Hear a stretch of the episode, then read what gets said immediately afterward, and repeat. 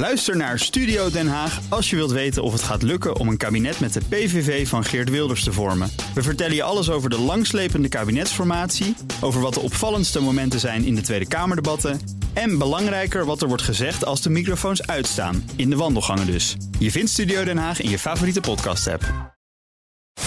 De column van Marianne Zwagerman. De verleiding is groot om het op deze internationale dag van de persvrijheid te hebben over Raif Badawi, die in Saoedi-Arabië al vier jaar in de gevangenis zit, veroordeeld tot tien jaar cel en duizend zweepslagen voor het schrijven van kritische blogs over zijn land. De verleiding is groot om op deze internationale dag van de persvrijheid los te gaan op de Turkse president die zijn grootheidswaan de vrije loop laat en met zijn lange arm zelfs aan onze journalisten zit.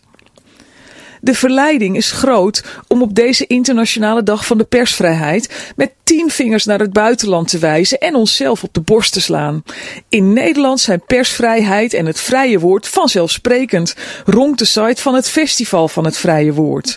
Ja, we leven in een van de meest vrije landen ter wereld. Maar wat doen we met al die vrijheid?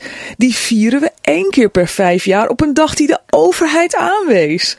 En verder zijn Nederlanders elke dag bijna wanhopig bezig met het inperken van hun vrijheid.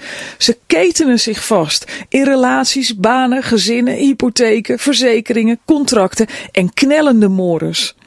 De angst om kwijt te raken wat we hebben regeert. Die basale angst trof me ook in de eerste aflevering van De Pen en het Zwaard door Fidan Ekis over de persvrijheid in Turkije.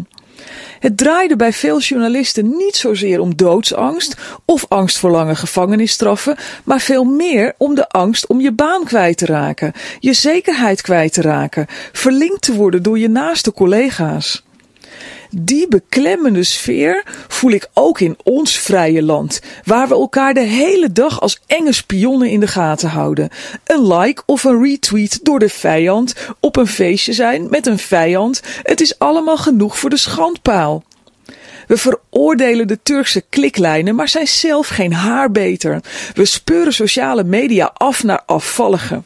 De ridders van het vrije woord veranderen direct in aanklagers als iemand het waagt kritisch te zijn over achterhaalde kinderfeestjes of herdenkingen waar je in dit vrije land verplicht aan mee moet doen.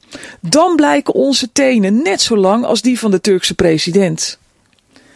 Wij kunnen Raif niet vrij krijgen of Erdogan in de spiegel laten kijken. Maar we kunnen wel zelf moediger worden, weer leren incasseren en het vrije woord echt vrijlaten.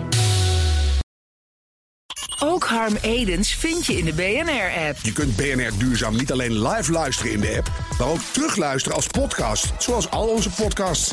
En naast dat de BNR-app Breaking News meldt, houden we je ook op de hoogte van het laatste zakelijke nieuws. Download nu de gratis BNR-app en blijf scherp.